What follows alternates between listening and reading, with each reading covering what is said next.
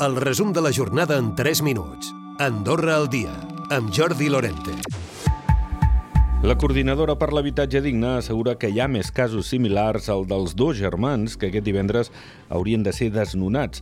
De fet, anuncien que la concentració per donar-lo suport serà el punt de partida per donar a conèixer aquestes situacions.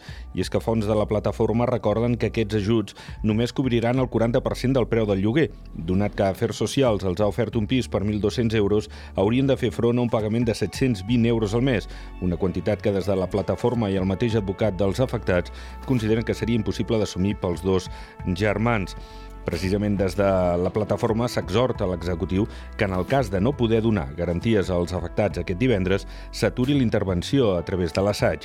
Ho explicava Cova, és un dels integrants més actius de la plataforma. Si això no ho pots garantir, activeu els mecanismes necessaris perquè l'assaig no vagi a executar el llançament del desnonament.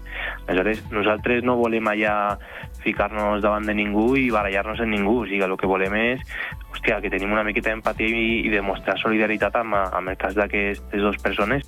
El 4 de febrer està prevista l'Assemblea General per donar més cos i estructura al moviment de la Plataforma per un Habitatge Digne i la ministra d'Economia insta ja a les empreses a començar a aplicar la pujada salarial amb la previsió que es pugui aprovar el projecte de llei al ple de l'1 de febrer per unanimitat.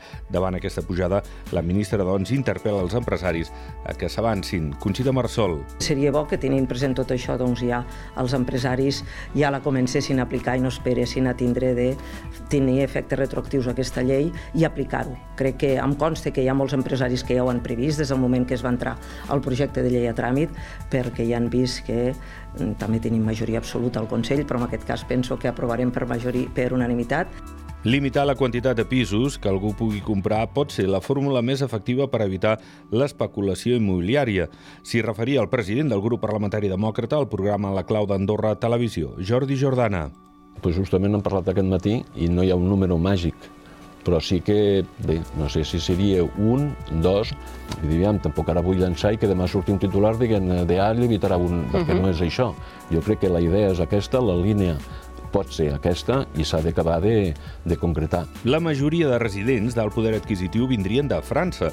Ho ha explicat el fins ara president de la Cambra de Notaris, Joan Carles Rodríguez Minyana. Continuen ah. treballant a França tranquil·lament, sense cap problema, però les accions d'aquests negocis els posen a nom de societats andorranes ampliant capital de la societat andorrana aportant les accions de fora. D'aquesta manera, els dividends els paguen aquí i no els paguen allà paguen els impostos que pertoquen, però no pas els dividends perquè no són propietat. I les obres del vial de Sant Julià de Lòria ja tenen data. Començaran a final d'any, amb un pressupost inicial de 100.000 euros. Ho han acordat Concòrdia i els grups parlamentaris de la majoria. Recupera el resum de la jornada cada dia a AndorraDifusió.d i a les plataformes de podcast.